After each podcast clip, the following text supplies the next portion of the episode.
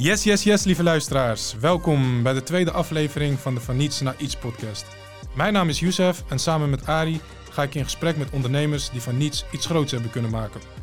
Vandaag zitten we in het mooie Haarlem, de zon schijnt en we gaan het gesprek aan met Mohammed Shahid van het bedrijf MaxPro. Met MaxPro zijn zij actief in de hairstyling en haircare producten. Denk hierbij aan uh, stijltangen en uh, haarshampoos. Mo is 8,5 jaar geleden van scratch af aan begonnen met het bedrijf en inmiddels is het een super succesvol en interessant bedrijf. Ze zijn namelijk actief in meer dan 20 landen. Ze hebben ontzettend veel leuke klanten zoals uh, Coolblue, Bol.com en Mediamarkt. Uh, en hiernaast is MaxPro uh, marktleider als we het hebben over de business-to-business kappersmarkt in Nederland. Naast het ondernemen is Mo ook actief bezig met het coachen van zijn volgers op social media. Dit zijn er inmiddels meer dan 20.000. En hier deelt hij actief ondernemersadvies mee.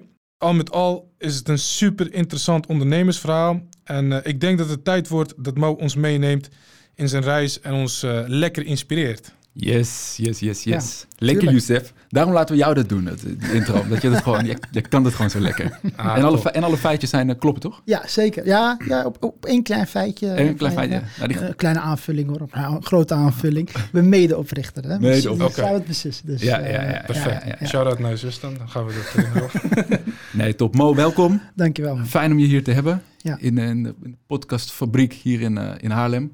Maak toch even reclame voor de jongens. Zeker. Ze zijn goed voor ons geweest. goed. Hey, maar het is top om je hier te hebben. Ik denk, uh, je, hebt, je hebt een mooi verhaal. We zijn heel benieuwd om daar meer van te horen. Maar uh, daarvoor, hoe, hoe gaat het met je? Ja, goed. Ja? goed. Zit je lekker in je vel? Ja, ik zit, ik zit lekker in mijn vel momenteel. En ja, alles loopt gewoon een beetje zoals ik het voor ogen heb. En um, ja, ja, over het algemeen gewoon hartstikke goed. Weet je, Mooi. natuurlijk uh, zijn er altijd wel dingen waar je mee bezig bent of wat je uitdaagt weer. Maar goed, dat hoort er weer bij. Kan ook niet anders. Ja, precies. Anders. Want vertel ons eens, wie, uh, wie ben je? Waar kom je vandaan? Ik, uh, Mohammed, 34 jaar. Ja, 34? Ja man. 34 jaar. Amsterdam. En ja, ja, Marokkaanse afkomst. Dat wat wil je nog meer weten. Ik heb twee kids. Ja. En ja, en nu, nu kom je nu ook uit Amsterdam naar, naar Haarlem? Nee, nee maar mijn, mijn, mijn bedrijf die zit in, in Hoofddorp. In Hoofddorp. Dus ik ben uh, rechtstreeks vanuit het kantoor uh, deze kant op gekomen. Kijk eens. Dus, uh, en de werknemers dachten niet van, hé, hey, de baas gaat vroeg naar huis vandaag? Ja, ja. nee, nee, nee. Die, die, daar deel ik over het algemeen gewoon van alles en nog wat mee. Oh, gelukkig. Dus daarin geef ik ook aan van, hé, hey, ik, ik ga eerder weg. Dan hoeven ze zich niet schuldig te voelen, zeg maar. Ja, ja, ja. ja, ja. heel goed. Mooi, mooi. Ja. Want je zegt je bedrijf zit in, uh, in Hoofddorp. Ja. En dat bedrijf, dat is, nou dat weten we, dat is Max Pro. Mm -hmm. Kan je ons vertellen wat, uh, weet je, waar komt, hoe is het begonnen? Ja, kijk, ik heb uh, zeven zussen. Nee, mm -hmm. sorry, we zijn met zeven thuis. Ik heb altijd moeite met die aantal. Ik weet niet waarom, maar ik heb vijf zussen. Dus ik ben altijd wel opgegroeid met, uh, met, met styling tools, om het maar zo te zeggen. En op een gegeven moment dacht ik van, um, ja, weet je, die, die vrouwen die kopen zo vaak spullen en van alles en nog wat. En toen dacht ik van ja, misschien moet ik iets in die, in die, in die richting gaan doen. Ja. Was ik op een gegeven moment uh, samen met mijn broer een, uh, een kledingzaak gestart. En dat heette toen Max 30. Mm -hmm. uh, tegelijkertijd was het ook een online shop. dus je hoort die Max hoor je eigenlijk al. Hè? Mm -hmm. um, en um, daarin verkochten we dus eigenlijk gewoon kleding voor vrouwen. Echt puur gericht op vrouwen. En met maximaal 30 euro. En hoe oud ben je op dit moment? Ik ben nu 34. Nee, op, da, op, dat moment, sorry. Op dat moment 26. 26, oké. Okay. Ja, ja, precies. Dus dat, dat klopt. Ja. Um, en op een gegeven moment dacht ik van, uh, oké, okay, is goed, max 30. Dus niks is duurder dan 30 euro. En uh, we gaan een uh, online webshop opzetten, want die winkel die was er op een gegeven moment al. En um, nou ja, zo was het dus eigenlijk een beetje gestart. Alleen toen wij die webshop waren gestart, waren die marges zo dun. Want niet alles kost bijvoorbeeld, ik zeg maar wat, 10 euro en ik verkoop het voor 30 euro. Sommige dingen waren gewoon, ja, weet ik veel, 20 euro. Maar je bent max 30. Ja, precies. Je kan niet meer dan 30 euro ja. uh, vragen voor een product, anders klopt je concept niet. Ja. En we hadden natuurlijk de gedachtegang van, oké, okay, mensen gaan uiteraard, of tenminste vrouwen, gaan sowieso meerdere spullen tegelijkertijd bestellen, waardoor je dus, hè, massa is kassa. Mm -hmm. Alleen ja, ik had nooit bedacht dat vrouwen tien dingen bestellen en negen terugsturen. dus dat concept was op zich leuk bedacht, maar in de uitvoering was het wel wat lastiger. Ja. En uh, pakte je dus eigenlijk niet voldoende marge. En uh, toen waren we mee gestopt. Maar in de tussentijd uh, dachten we wel van oké, we moeten eigenlijk iets hebben van plug and play. Want de doelgroep is op zich prima, want die blijven kopen. Alleen ja, iets, iets wat makkelijker is. En toen ja, zoeken naar iets wat in je straatje zit. En toen kwam al heel gauw uit op styling tools. Styling tools. Ja. En dat is dus, even kijken hier, kleine acht jaar geleden. Ja. En, um, maar tot die tijd, wat, wat, wat heb je gedaan? Wat heeft jou daar naartoe geleid? Wat, waar was je mee bezig voordat je uh, dat ondernemerschap op die webshop startte? Ja, ik op een gegeven moment, ja, voor, voordat ik ging ondernemen, toen, uh, toen dat kan ik me nog wel herinneren. Um, ik werkte als accountmanager bij heel veel diverse bedrijven. Dus mm -hmm. ik was begonnen bij, uh, bij, bij Wegener, dat is een hele grote uitgeverij van kranten. Mm -hmm. En daar ging het hartstikke goed. Dus op een gegeven moment zei ik tegen een werving- en selectiebureau van, hey, goh, ik bedoel, het gaat hier hartstikke lekker. Alleen ik wil wat meer uitdaging, want het is mij wat te makkelijk. Uh, zei ze, ja, weet je wat je moet doen? De beste verkopers komen van, uh, van de telefoongids. Mm -hmm. uh, dat, dat, dat, dat, zag zij in de markt. Toen zei ik, nou oké, okay, is goed, ga ik daar solliciteren.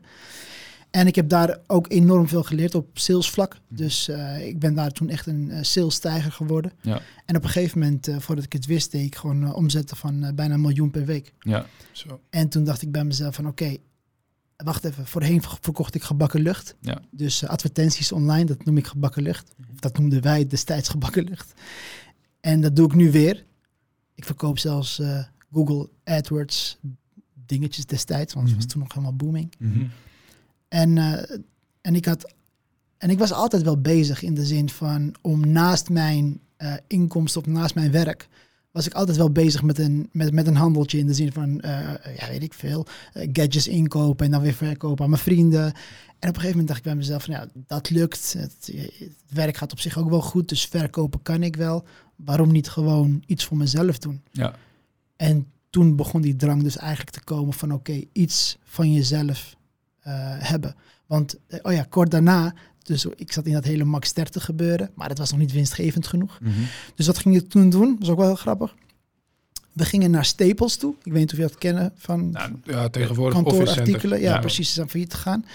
We gingen daar naartoe en uh, ze hadden heel vaak retourartikelen. Mm -hmm. Alleen hun processen waren zodanig ingericht dat op het moment dat de retour terugkwam, dat die zeg maar uh, gelijk op een pallet werd gegooid en er niet naar werd gekeken. Okay. Want als we moesten uitzoeken wat er mis mee was, kostte het veel meer tijd en tijd is geld. Ja. Oh. Dus ik kocht die pallets op voor 70 euro, niet weten, niet wetende wat erop zit. Oké. Okay. Ja? Dus de ene keer uh, zat er gewoon een hele uh, vette printer op bij wijze van uh, die 400, 500 euro waard was. Ja. en ik kocht ze op voor 70 euro ja. per pallet. Nou, Ja. dan kocht ik 10 of 11, 15 pallets tegelijkertijd in. En ja, één ding voor alle ondernemers die meeluisteren. Cartridges is gewoon goud, goudgeld. uh, wist ik niet. Dus op een gegeven moment, een keertje was ik op Marktplaats. Dus, want ik gooide alles op Marktplaats. Ik kocht een pallet op en al die cartridges, modellen opzoeken, op Marktplaats gooien. Op een gegeven moment zei iemand tegen me, weet je wat, kom maar met alles langs. En ik had misschien, ja, laten we voor het makkelijk rekenen, 10 pallets mee. Alles uitzoeken. Ik was echt een, heel half, een halve middag. Nou, waarde dus 700 euro inkoop. En hij zei tegen mij van, nou, oké, okay, weet je wat, ik geef je 45.000 euro. Ik wat? Zo. Uh, Oké, okay. een beetje als stoer. Nee, nee, nee, is te weinig, is te weinig. Maar ja, ik dacht, wat een gekke marge, man. Dus uh, uiteindelijk een deal met hem gesloten. En toen ging ik echt alleen maar zoeken naar uh, cartridges. cartridges weet je wel? Ja. En een ander moment wat op zich ook wel heel leuk was. Ik had op een gegeven moment 40 pallets aan A3-papier. Mm -hmm. Dus ik dacht, hé, hey, booming business. Ik ga dit echt verkopen. Dat was na het succes van die cartridges. Mhm. Mm -hmm. En dat kreeg ik weer niet verkocht. Ja, precies. Want A3, niemand nee, gebruikte dat. A4 is natuurlijk gebruikelijk. Precies, A4, tuurlijk, dan had je echt een, een goudmijntje in je hand. Mm -hmm. uh, en ik had iets van 10 pallets of zo, of 11 pallets, ik weet niet meer. En dit, welk moment is dit? Dit is... Tegelijkertijd met Max, Max 30. Oh, tegelijkertijd. Ja, ja, dus je, was, je was van alles aan het proberen op dat moment. Ja, ja, ja. Ik was zoekende. Ik was zoekende. En, en heb je je, je je baan bij Telefoongids toen, heb je dat daar Ja. opgezegd? Dus je zit Ja. nu, oké, dus je Ja. zit nu wel een soort van uh, Fulltime je ondernemer. hebt, Het je, hebt moet. een, je hebt een, je, je hebt een, een huur of, of woon je nog thuis? Nee, nee, ik, uh, ik, ik was, was net getrouwd. Was net getrouwd. Ik had nog. net een... ik- ja, dat is ook nog wel eens grappig om, om te vertellen. Ja, omwille van tijd ga Mhm. ik het toch wel gewoon doen hoor. Mhm. Maar ehm, ik kan me nog herinneren dat mijn vrouw destijds tegen me zei van... ehm, Oké, hey, we gaan nu samenwonen. Ehm eh, ja, je moet echt een baan gaan hebben. Want ik was al een beetje aan het kloten, zeg maar, met ondernemen. En het, niet, er was nog niet echt stabiliteit. Mhm. Dus op een gegeven moment, en dit wist ze zelf niet eens, dus misschien als het ooit terugluistert, dan, dan, dan, dan weet ze het nu ook gelijk. Ehm, ze zei tegen me van, hey Mo, je moet eh, nu op zoek gaan naar een baan. Ik zeg van, ja oké, maar ik ben aan het ondernemen. Ik, ik wil iets voor mezelf doen, dat weet jij, want dat heb ik al heel vaak met jou besproken. Mhm. Ja, ja, maar we krijgen een kind en eh, weet je, stabiliteit, Verantwoordelijkheid. ja, verantwoordelijkheid. Dus ik zei tegen haar, oké, is goed, prima. Geen probleem. Ik ga wel solliciteren bij de bank waar ik 100% word aangenomen en dan verdien ik op zich wel leuk. Nou, die dag van die sollicitatie ben ik nooit geweest.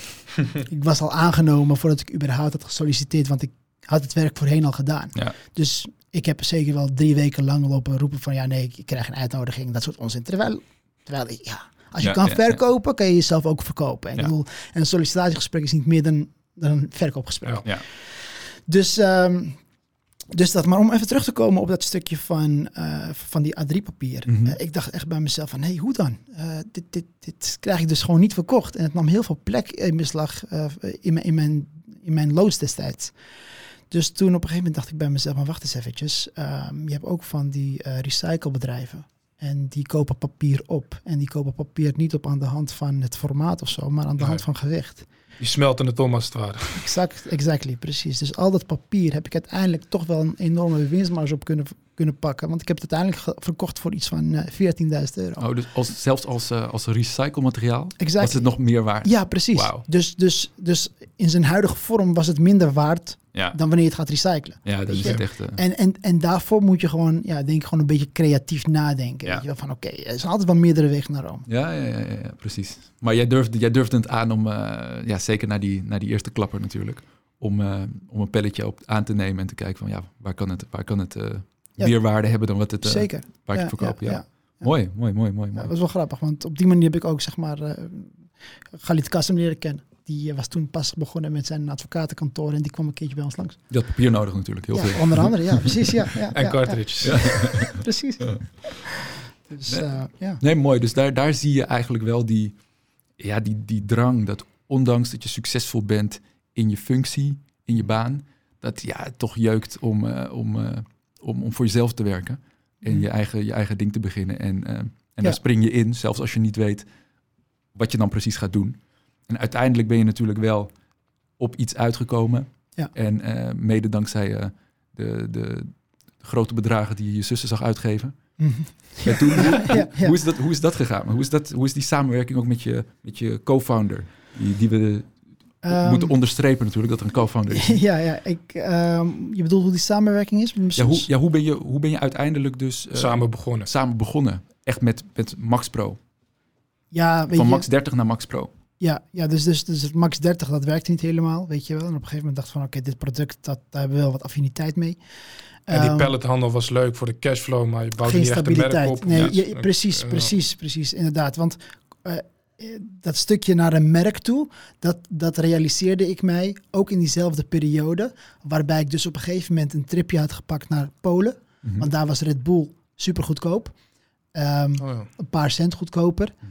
Maar er gaan bijvoorbeeld 3456 treetjes Red Bull in een 40 voet container. Dat Ja. weet ik tot de dag van vandaag. En dat keer 24. En ik deed daar ongeveer 2 tot 3 cent bovenop. Dus ik had een hè, continuïteit zeg maar, Mhm. van, eh, van, van, van containers die van Polen naar destijds Hongarije gingen volgens mij. Ik had daar een klant. Ik weet niet hoe ik aan ben gekomen. Dus het ging van Polen naar Hongarije. Die, ja, ja, precies. Gewoon direct. En ik zag alleen die cashflow zeg maar heen en weer op de bank gaan. Ja, ja. Dus ehm, toen dacht ik bij mezelf, ja, dit is wel leuk, maar ik bouw geen merk op. Ja. Want eh, ja, ik verkoop Red Bull en ik verkoop cola en Fanta. En ja, die, die jongens zijn al groot genoeg. Dus maar ik ben dus eigenlijk voor hun bezig. Want Ja. niet eens officieel, want het was parallel. Weet je, het was niet zeg maar eh, Ja. vanuit cola direct. Ja. Ehm, dus op een gegeven moment dacht ik wel, had ik wel een drang om iets voor mezelf te hebben, iets eigen, iets eigen merk, zeg maar. En op een gegeven moment, ja, wist ik van, oké, we gaan stijltangen doen, krultangen, haarstyling tools. En toen moest ik met een, eh, met een merk komen, en een merknaam. Ja, ik had Max 30 al, het was op zich al een leuke naam. Ging ik in de markt kijken en dacht ik van, nou ja, iedereen doet pro erachter, laat mij dat ook doen. Ja, Ja, dat klinkt best wel lekker. ja. Dus ehm, zo, is die, zo is dat merk eigenlijk ontstaan. Het is toch mooi om te horen hoe, dan, hoe hoe, de, hoe dat dan ontstaat, hoe die pro erbij is gekomen. Ja, ja. Gewoon. Gewoon. L'Oreal Pro. Of- ja, dat- En inmiddels eh, marktleider in de professionele markt. Ja, ja, Ja, precies. precies, Mooi, precies, precies. Ja, ik kan me nog herinneren dat ik toen bij mijn ouders woonde en op een gegeven moment allemaal van die eh omdozen nog in mijn slaapkamer had liggen. Ja, weet je. Ja. Ja. Maar goed, ik was het gewend. Ik had ook gadgets liggen daar. Ja, ja, ja. En hoe, eh, hoe ben je tot het eerste model gekomen? Ben je, ben je echt naar China toe gevlogen? Als je producten daar vandaan komen, neem ik dan even aan. Mhm, mhm. Eh, ben je daar naartoe gevlogen of heb je eerst wat samples opgevraagd? En hoe, hoe is dat gegaan? Ja, wat we hebben gedaan in het begin, kijk, ik had sowieso een vriend van mij die een beetje handig was met eh, hoe die producten moest ontwikkelen en dergelijke. Maar ik zeg niet dat hij hem heeft ontwikkeld, maar dus we gingen kijken naar de markt en we dachten van oké, is goed. Wat is er momenteel? En wat is er nog niet? Dus op een gegeven moment ging ik ook research doen. En destijds gebruikte ik veel Twitter. Toen deed ik hashtag stijltang. Oh ja, En toen zag ik dat heel veel meisjes of, of ja, vrouwen eh, gingen klagen op Twitter, op hun tijdlijn dan natuurlijk, eh, dat ze vergeten waren hun stijltang uit te zetten. Mm. En dat ze terugkwamen dat hun eh, mooie nachtkastje of whatever verbrand was. Mm. Of er een brandvlek in zat althans. Je hebt naar de slechte reviews gekeken. Ja, precies, precies. Ja. Het is niet zozeer re- reviews van andere producten, maar gewoon echt Twitter gewoon gebruiken als, Exact, eh, of, als, als Inspiratie. inspiratie. Ja. Dus en toen ging ik kijken van oké, bieden andere merken dat niet aan? Jawel, alleen toch best wel hoog geprijsd. Bieden ze wat niet aan?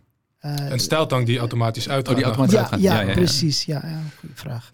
Ehm, dus dus dat, dat zag ik nog niet echt terug. En op een gegeven moment dacht ik van... En, en als ik het wel terug zag, was het heel duur. Ja. Dus ik dacht van, ja, weet je, daar zit nog een hele grote Ja. gat tussen. En ehm, eh, die gat hebben we dus opgevuld. Dus wat gingen we doen? We gingen kijken naar modellen wat, wat, wat, wat echt wel wat, wat aansprak voor ons. Mhm. En eh, op die manier zijn we dus begonnen inderdaad die kant op gaan, met ze in gesprek gaan, dingen hoe je beter kunt doen. En dat kost wel wat tijd. Oh. Maar als je gelooft erin, dan, ja, dan verdien je dat op een gegeven moment ook wel terug. Ja. Weet je? Dus, Maar op een, eh, op een gegeven moment heb je dus door van... hé, hey, kijk, daar zit in ieder geval een bepaalde specificatie... mhm. die waarde toevoegt, een USP. ja. En dan, wat, wat doe je daarmee? Weet je, dat, dat weet je dan. Wat, maar wat doe je daarmee? Hoe, hoe, hoe kom je tot een specifiek product waarvan je zegt van... kijk, dit is hem.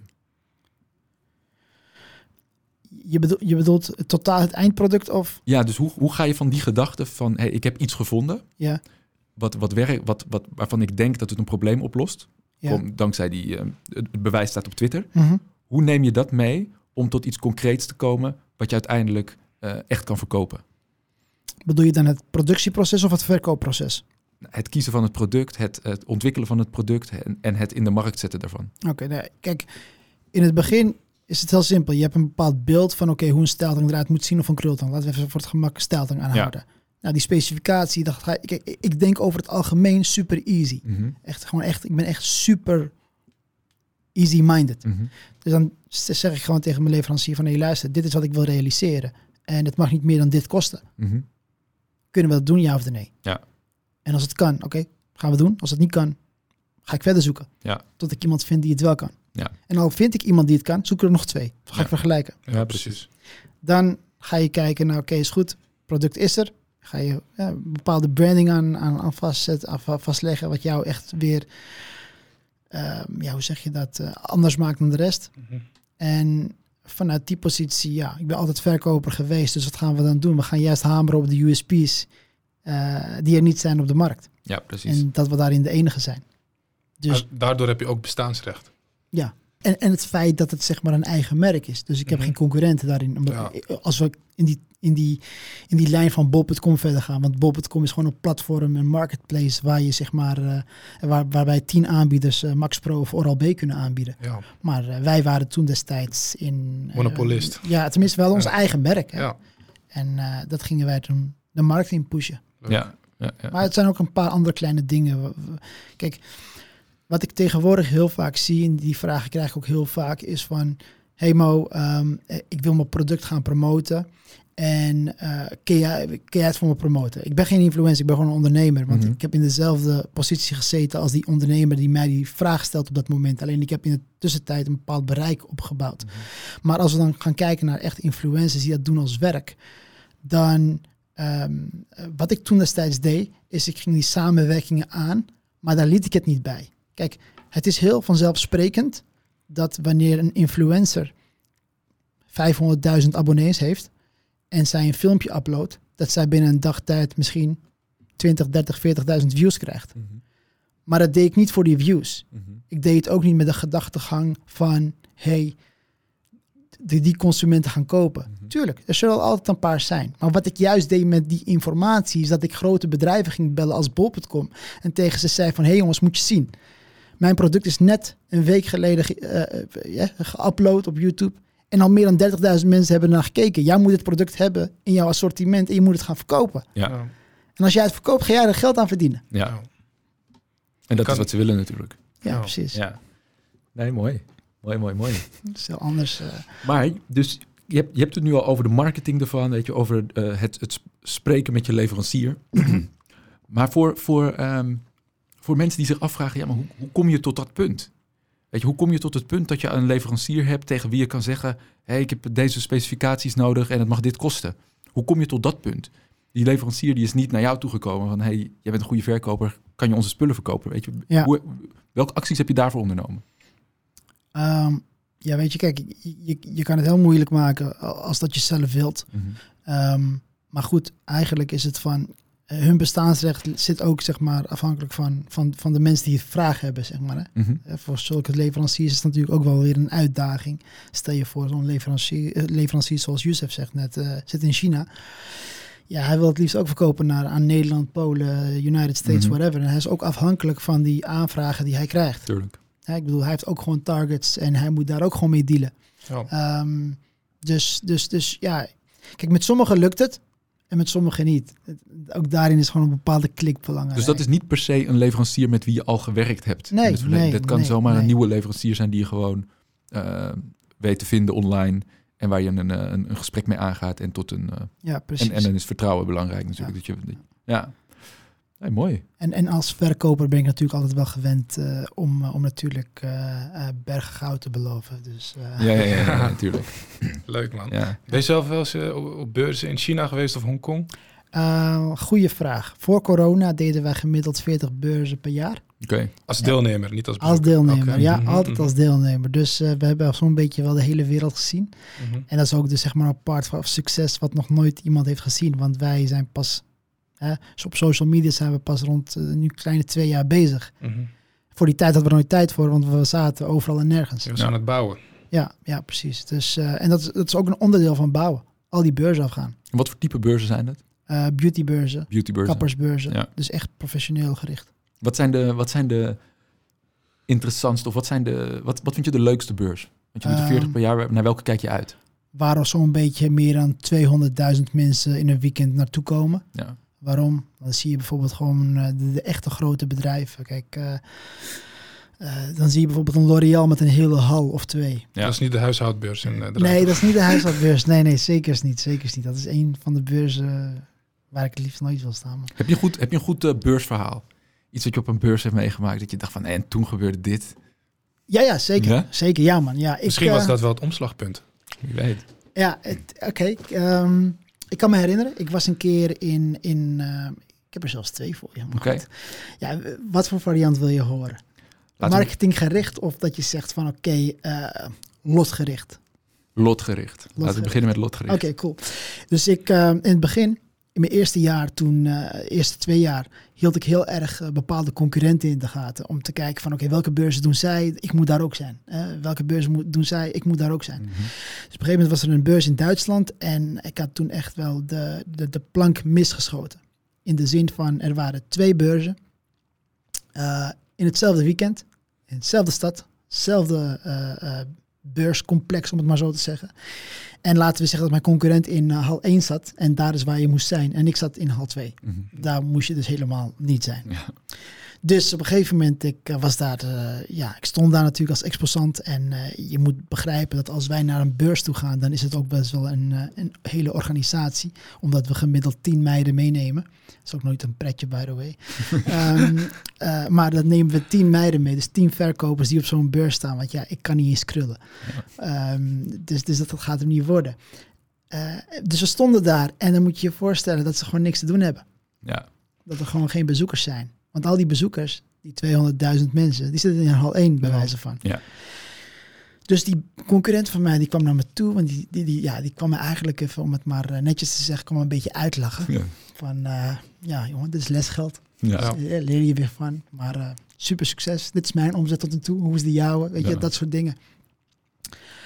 Maar goed, eh, ja, eh, ja, ja, ik kon het niet mooier maken dan het was. En eh, zondag om zes uur was die beurs afgelopen. En om vijf uur, eh, dan is het vaker wel wat rustiger. Toen kwam een eh, klant op de stand. En eh, die had een groothandel. Die kwam toevallig uit hal 1. Want hij ging even rondkijken naar nieuwe merken. Ja. En ehm, die, die, die had zeg maar echt, laten we zeggen, om eh, half zes had ik een deal met hem gesloten. En daarbij had ik eh, al mijn kosten getekt en Ja. enorm veel geld verdiend. ja. Dus echt moet je nagaan in het laatste half uurtje van zo'n weekend.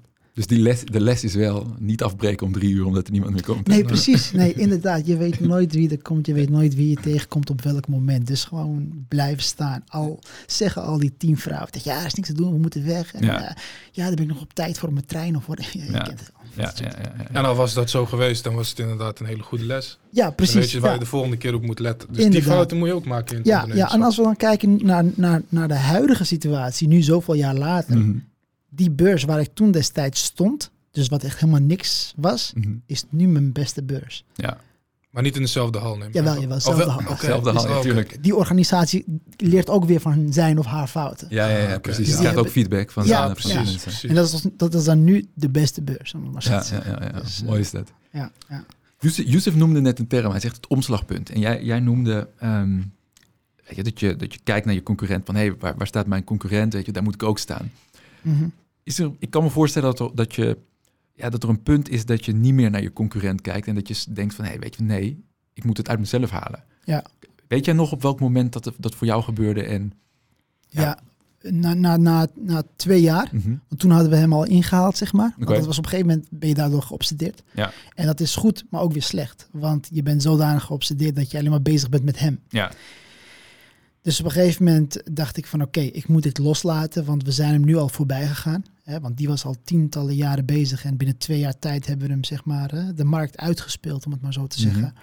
En toen dacht ik van oké, weet je, het is altijd wel goed om streven te hebben, maar niet meer eh, een streven hebben op de hele korte termijn. Kijk gewoon naar de lange termijn. Dus ik keek gewoon echt naar beursgenoteerde bedrijven en dan was dat zeg maar de, het doel.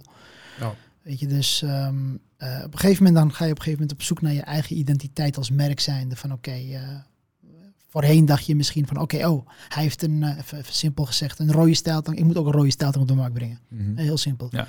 Maar dat werkt niet. Dat, dat, dat heeft geen toegevoegde waarde. Want jij weet namelijk niet hoe goed hij die rode stijltang verkoopt. Mhm. Als hij er maar tien verkoopt, verkoop jij er straks maar drie. ja. Ja, daar heb je er natuurlijk ook niks aan. Dus je gaat zeg maar mee in zijn fouten. En je hoopt op zijn successen. Maar op een gegeven moment moet je gewoon loslaten. Mhm. Ja, dat is dan een beetje het omslagpunt waar, waarbij je hebt gezegd van nou, ik kijk echt naar onze eigen producten, ik ga uit van onze eigen kracht.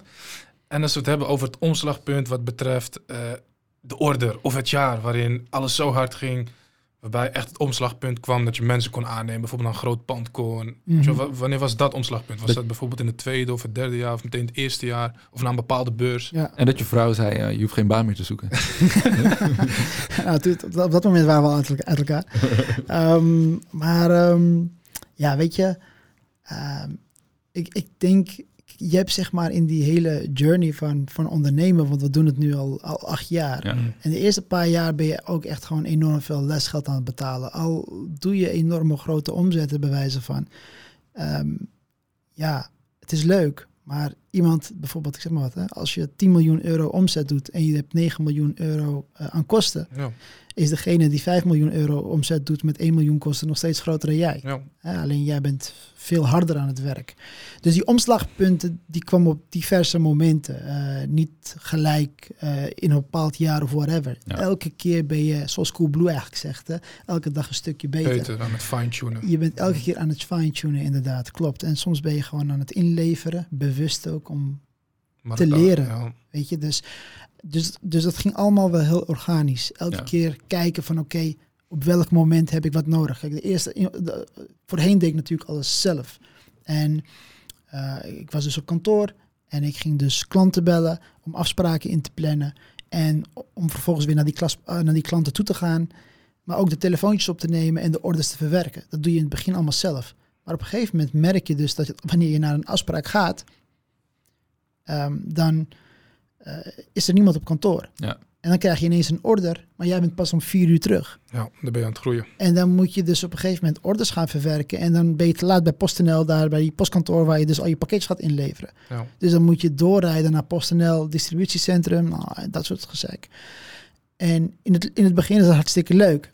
Maar als je dat op een gegeven moment een paar maanden achter elkaar doet, denk je bij jezelf van ja, wacht even, dit is niet zo praktisch. Nee. Dus ik moet misschien gewoon iemand gaan aannemen. Want het is altijd wel eng, de eerste persoon aannemen. Want ja, weet je. Heb ik wel altijd werk voor hem of haar. Ja, precies, precies. En ehm, ja, dus in het begin was het ook echt gewoon van, hè, in het begin, de eerste paar collega's die ik had, die verdienden gewoon meer dan ik. Ja. Ja.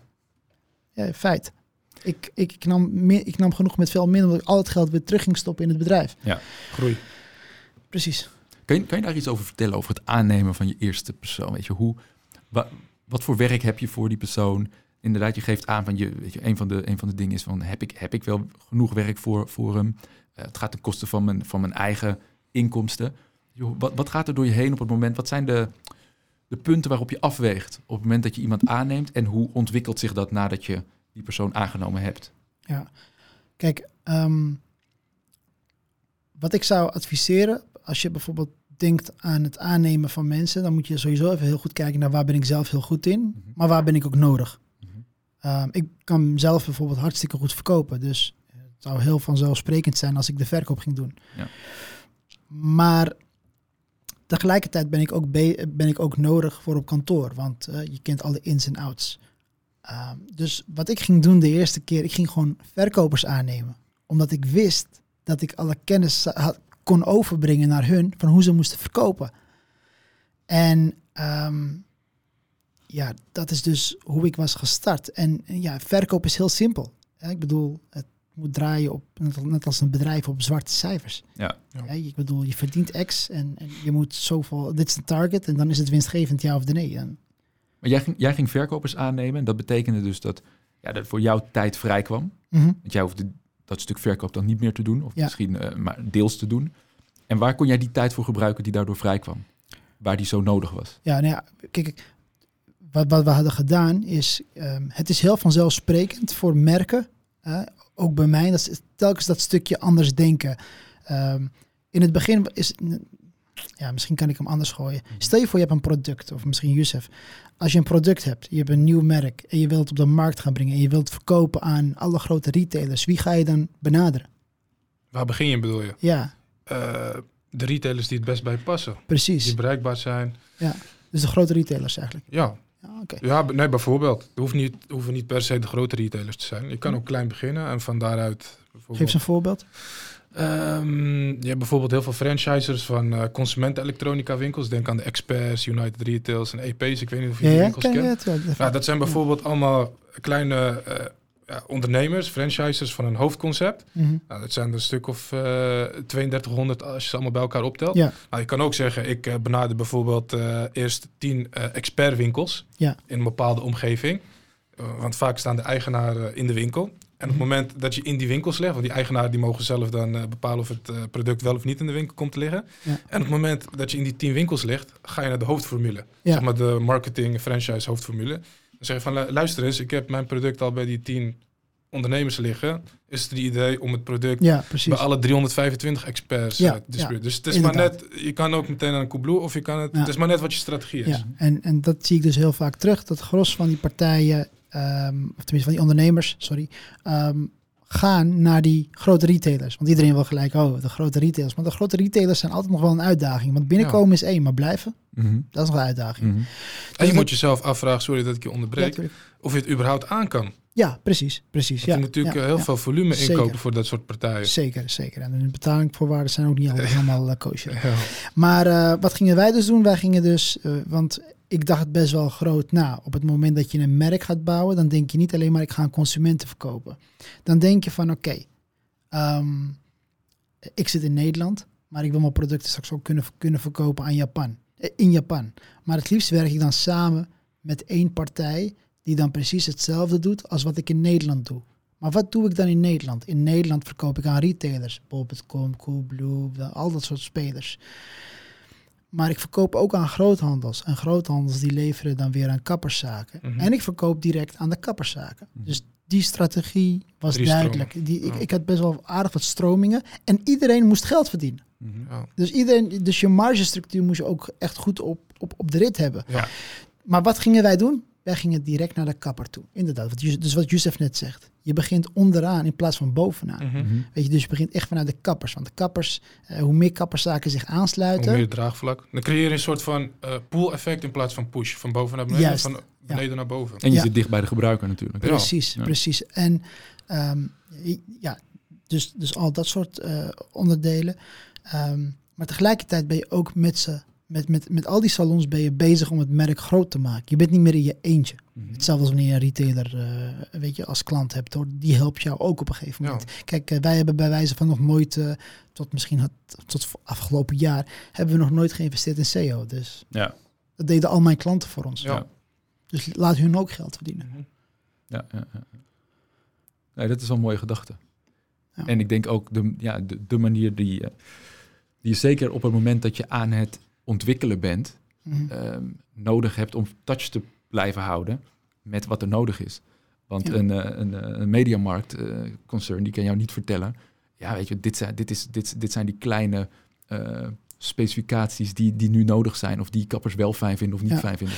Ik kan me nog herinneren dat ik een keer in gesprek was met Mediamarkt. En toen zei ik tegen ze van oké, is goed, jullie willen onze producten verkopen. En ik sta er op zich wel open voor om onze producten bij jullie neer te leggen. Maar ik vond het heel, eh, Ja, slim. heel, heel, heel anders eh, neergelegd. Ik zeg maar, wat, ik zeg, waar ik dan heel erg mee zit, zei ik tegen ze, is dat als we kijken naar jullie formule, dan moet er dus zeg maar ergens along the way een collega van jullie, en dat dit bedoel ik dus niet slecht of eh, eh, kleinerend of zo, maar dan staat er misschien dat, een dat jongen is gewoon van, het concept van Ja. Mediamarkt. staat er een jongen Ja. van 22 jaar misschien in de winkel, die moet een, een klant gaan vertellen van waarom die stijltang van 30 euro eh, beter is of minder goed is dan die stijltang van ons die 80 euro kost. En die informatie moet hij halen uit een kaartje net zo groot als, eh, weet ik veel, eh, zoveel millimeter bij zoveel millimeter. Dat is een uitdaging. Dat, dat, dat wordt lastig. Want normaal verkoopt hij televisies, maar vandaag staat hij hier. Precies, ja. Ja. inderdaad. Ik zeg, dus hoe gaan we dat doen? Dan ga je dus plannen maken en dan ga je daarover nadenken. En dan, en dan pas ga je zeggen van oké, we gaan er staan. Ja. Weet je? Nou, ze Dus- hebben bijvoorbeeld ook van die interne academies, training academies, dat ze allemaal modules moeten volgen. Ja. Sta je er ook bij?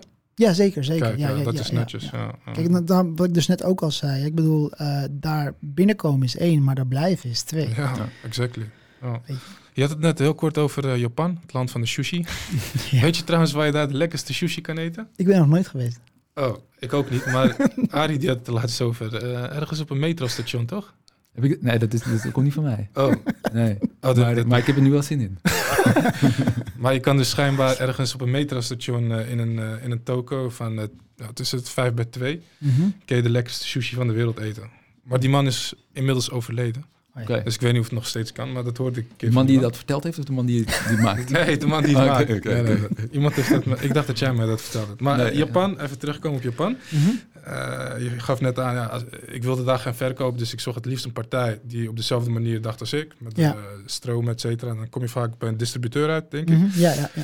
Maar wij zijn denk ik wel benieuwd eh, in de Van Niets naar Iets podcast. eh, hoe is die internationalisering gegaan? Mhm. Hoe, ja, ja, hoe, hoe gaat dat Ja, werk? ja nee, dat is, ik ga dan even, want, want, want Arie vroeg me net dus om een verhaal van wat ik heb meegemaakt op een beurs. Hè? Ja, En eh, nou ja, kijk, dat is in ieder geval de key om zeg maar internationaal te gaan. Buitenlandse beurzen. Ja, ja. dus buitenlandse beurzen bezoeken. Ik, kan, ik ga wel even eentje uitlichten. Eh, ik was een keer in, in, in, in Frankrijk volgens mij. Ja, in Frankrijk, in Parijs. Er was een eh, grote beurs gaande. En ehm, er kwam een eh, potentiële klant. Want je moet je voorstellen dat, dat, dat op die beurzen... er komen niet alleen maar mensen uit Frankrijk of uit Duitsland voor hebben... maar ze komen wereldwijd, als je de juiste beurzen uitkiest. Ja. Dus wij stonden op die beurs in Frankrijk... en op een gegeven moment kwam ik eh, daar twee jongens tegen... en zij hadden een groothandelconcept in Griekenland. En eh, dat was verspreid over heel Griekenland. En die deden een paar tientallen miljoenen op jaarbasis. En ja, ze deden dus datgene wat wij dus eigenlijk ook deden. Alleen in dit geval gingen zij ons merk dan distribueren. En ze hadden genoeg dekking in heel Griekenland. Nice. Ze hadden een goed lopende webshop. Dus het paste heel erg goed bij ons. Dus op een gegeven moment, eh, ik zei tegen hem van, "Oh, is goed, prima, top, jullie hebben interesse. Het, wij hebben nog geen dekking in Griekenland op dat moment. Dus is goed, laten we het gaan doen. Eh, alleen ja, zaken doen in het buitenland is ook weer heel anders dan wanneer je zaken doet in Nederland. In Nederland, als ik tegen je zeg van oké, dan en dan, dit is wat, wat we gaan doen en dit is wat we afspreken, dan gebeurt dat ook. Ja, de cultuur is anders. Ja, maar in, in België alleen al is het bijvoorbeeld ook weer heel anders. Mhm. Weet je Ja. wel? Dus in Griekenland ook. Ja. Dus op een gegeven moment, het was volgens mij toen, ik weet niet welk jaar het was. En ehm, oké, ik terug naar Nederland toe. Ik contact met ze opnemen en mailen en mailen, samples toesturen. En eh, ze waren helemaal positief, enthousiast. En ehm het was best wel een forse offerte. De grootste offerte die ik op dat moment ooit had gestuurd. En, en ik was er dus best wel door eh, geobsedeerd. Ja, dus wat ik, wat ik wou gewoon dat die deal ging closen. Ja. En eh, ja, na een half jaar had ik nog steeds gewoon geen getekende offerte terug. Nog steeds niks, want ja, het gaat gepaard met Je denkt, dit doe ik wel even in eh, twee weken. ja, da, da, da- daar leek het wel op. Ja, toen ze ik, waren toen ik- ze waren super enthousiast, joh. Ik bedoel, eh, hij maakte nog een foto van mijn visitekaartje, van mijn gezicht. Hij wou, eh, hij wou echt zeker weten dat hij me nooit meer zou vergeten. Mhm. Dus ik zeg, ja, dus ik, ik dacht, oké, dat gaat helemaal goed komen. Dus na een half jaar nog steeds niks. Eh, dus ik dacht van, ja, wat is dit nou weer voor onzin? Nou, ik dacht, oké, laat maar. Een jaar, dus een jaar later staan we weer op die beurs. Mhm. Ja, we We zijn alweer een jaar verder. ja, we zijn nu Ja. inmiddels. Kom ik hem weer tegen? Ik zeg, wat is het nou? Ik bedoel, ik- ja, we hadden contact en we hebben dit besproken. Ja, nee, nee, sorry. We waren echt bezig met het openen van nieuwe concepten en nieuwe dit en zus en zo. We hebben in plaats van 40 hebben we er nu 60. Dat begrijp ik dan ook wel weer vanuit, hè, vanuit een eh, ondernemersdenkwijze van ja, als jij bezig bent met het openen van nieuwe zaken. Dat was even belangrijker. dat is belangrijker voor hem. Dus ehm, op een gegeven moment, oké, is goed. Als ik terug ben, eerste wat ik ga regelen is dit. Mhm. Ja, oké, top. Weet je, ik dacht, oké, 40 in plaats van 40, nu 60. Of verder kan nog iets omhoog. En ik zeg nog heel blij, ja, dan moeten we misschien een beetje de aantallen aanpassen, want anders is het te weinig. Oké, zo gezegd, zo gedaan. Ik weer terug na drie maanden, hetzelfde riedeltje gewoon. was gewoon een déjà vu van een jaar eerder, weet je wel. Maar na drie maanden dacht ik wel bij mezelf, ja, weet je, laat ook maar. Mhm. Dat dacht ik heel even. Ik dacht het maar even 10 seconden. En toen dacht ik van, oké Mo, hoe gaan wij dit aanpakken? Mhm. Hoe gaan we ervoor zorgen dat hij alsnog gaat tekenen en dat jij die deal sluit? Dus op een gegeven moment, ik liep naar het meisje van marketing en ik zei tegen dat ik wil dat je de top 25 influencers uit Griekenland gaat benaderen en dat ze exclusief met ons gaan samenwerken. Ik wil dat je een contract onder hun neus sluit, dat je dus geen enkel ander merk voor het eerste jaar met hun, eh, dat, dat, dat, dat, dat ze die gaan promoten, alleen ons merk. Ja. Mhm. Oké, nou, zo gezegd, zo gedaan. 20 gingen er akkoord. Oké, wij tools sturen richting Griekenland. Met een hele briefing van oké. ehm, op het moment dat mensen willen bestellen, dan moeten ze naar deze website toe gaan. De website van die ene klant. Laat ze niet eens op voorraad bewijzen. Dus, Mhm. Maar Dus het is op een gegeven moment wel iets van moment, 200 in backorder. dus op een Met die, gegeven die- met moment. die ene klant bedoel je die, die, die man die op tegen... Ja, ja, ja, ja, precies. die ik tegenkwam. Ja, ja, ja, Dus, ja. dus, dus die, die potentiële Dus klant. alles lag al klaar eigenlijk. Kijk, de producten stonden op zijn website, zeg Ja. maar. Echt inderdaad. Maar de voorraad was maar er de nog niet. voorraad had hij Ja. nog niet. Weet Ja. je wel, Dus je moest eh, nog even dat extra... Dus op een gegeven moment, eh. precies, en de offerte was ook nog niet getekend. Dus op een gegeven moment, eh, al die filmpjes kwamen online en binnen een week tijd kreeg die offerte teruggestuurd en dan deal. Dat wel. Dat is hetzelfde pool effect waar we het net over hadden. Ja, ja, Dat, eh, ja. ja. Dus ja, dus je, je, moest, je moest hem eigenlijk Op een net, dat, andere net, dat, manier. net, dat, net dat bedje voor hem klaarmaken, zodat hij erin kon liggen. ja, precies. Ja. En dat, dat heeft mij ook geld gekost, maar het heeft me ook weer heel veel opgeleverd. Opgeleverd. En die, die, die keuze moet je wel maken. Dat, ja, eh, die, ja, precies. En dat was het eerste land waar jullie eh, buiten Nederland en nee, nee, nee, nee, nee, nee, nee, nee, Nee, dat nee, niet, nee, nee, nee, Dat. Dat is het mooiste verhaal. staat er wel op. Hm? Ja, het Dat is het mooiste verhaal. Goed, goed beursverhaal. Ja, twee, twee goede beursverhalen. Eh, de lat moet omhoog. Sowieso twee goede beursverhalen. Ja, Ja. eens. Nee, mooi. Ik denk dat we, dat we even naar de, de snelle rubriek gaan. Mhm. Wat is de snelle rubriek? Dat is, eh, dat is eigenlijk een klein rubriekje waarin we je een paar vragen stellen. Ja. Waar je weinig tijd voor krijgt om op te antwoorden. Je moet eigenlijk gewoon meteen je is- antwoord Het geven. is een gesloten vraag. Oké, Het is een goed. gesloten vraag. Het. Nee, het is eigenlijk wel een open vraag. Of, eh, het is een open vraag, inderdaad. Met, Met een gesloten antwoord. Met, Ja. met een kort gesloten antwoord, inderdaad. Maar ik zou zeggen, ben je er klaar voor? Ja, tuurlijk. Ja, dan gaan we. Komt ie hoor. Eh, door welke persoon ben je het meest geïnspireerd? die eh, eh, film van de Social Network. Oké. Okay. in welk ander land zou je willen ondernemen? Dubai. Dubai. Nice. Met wie zou je eens koffie willen drinken? Elon Musk. En de laatste. Wat is de gekste uitgave die je ooit hebt gedaan sinds je ondernemer bent? Zo. Uh, gek is een heel breed begrip. Dat is is heel breed. En je kan hem interpreteren zoals je wil.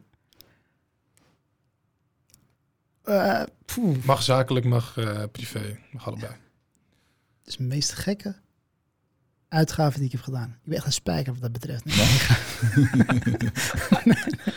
ja, weet je, laten we het gewoon even lekker simpel houden. Ehm, ja, ja, Ah, misschien wel dat je dacht van wow. Mijn eerste gekke uitgave. Het kan. En het maakt niet uit. Misschien een, investe- een- een investering in investering. je bedrijf waarvan misschien anderen zouden zeggen van... Hè, weet je, wie doet dat nou? Ja. Ja, ja en nee. Alles is bij mij best wel vaak goed ingecalculeerd. Ja, Ja, dat ja, is, ja. dus, dus ik heb niet heel vaak hele gekke uitgaven. Ja, maar dat kan, ook, dat, kan, ook- dat kan ook een antwoord zijn. Dat je inderdaad het niet hebt. Dat Ja. je gewoon goed nadenkt over wat je, wat je doet en wat je niet doet. Ja, ik, ik neem wel risico. Ja, Maar misschien dat ik hem straks nog wel een beetje kan toelichten. ja, ja, heel goed. Hey, even om, ter- om terug te komen op, die, op, die, op je eerste antwoord. Je zegt die, eh, je hebt het over de film van de Social Network. Ja, Heb, heb je het dan over... eh, eh, verhaal van Facebook. Ma- Mark, Ja, Zuckerberg. Mark Zuckerberg. Ja. ja, ja, ja, ja. die film, maar ook eh The Wolf of Wall Street. Ja, Want toen ik, Jordan Belfort. ja, ja, Yes. precies. Want toen ik zeg maar naar buiten kwam bij die films, wou ik niet slapen. Ik wou geld verdienen. Ja, maar ik snap, ik snap, ik snap het helemaal. Maar ik denk dat, ik denk dat iedereen die dat, die dat ondernemende in zich heeft, dat heeft. Ja. Dat je gewoon, dat je eigenlijk al tijdens die film denkt van, weet je, ik moet eigenlijk, eigenlijk wil ik nu gaan gewoon. Precies.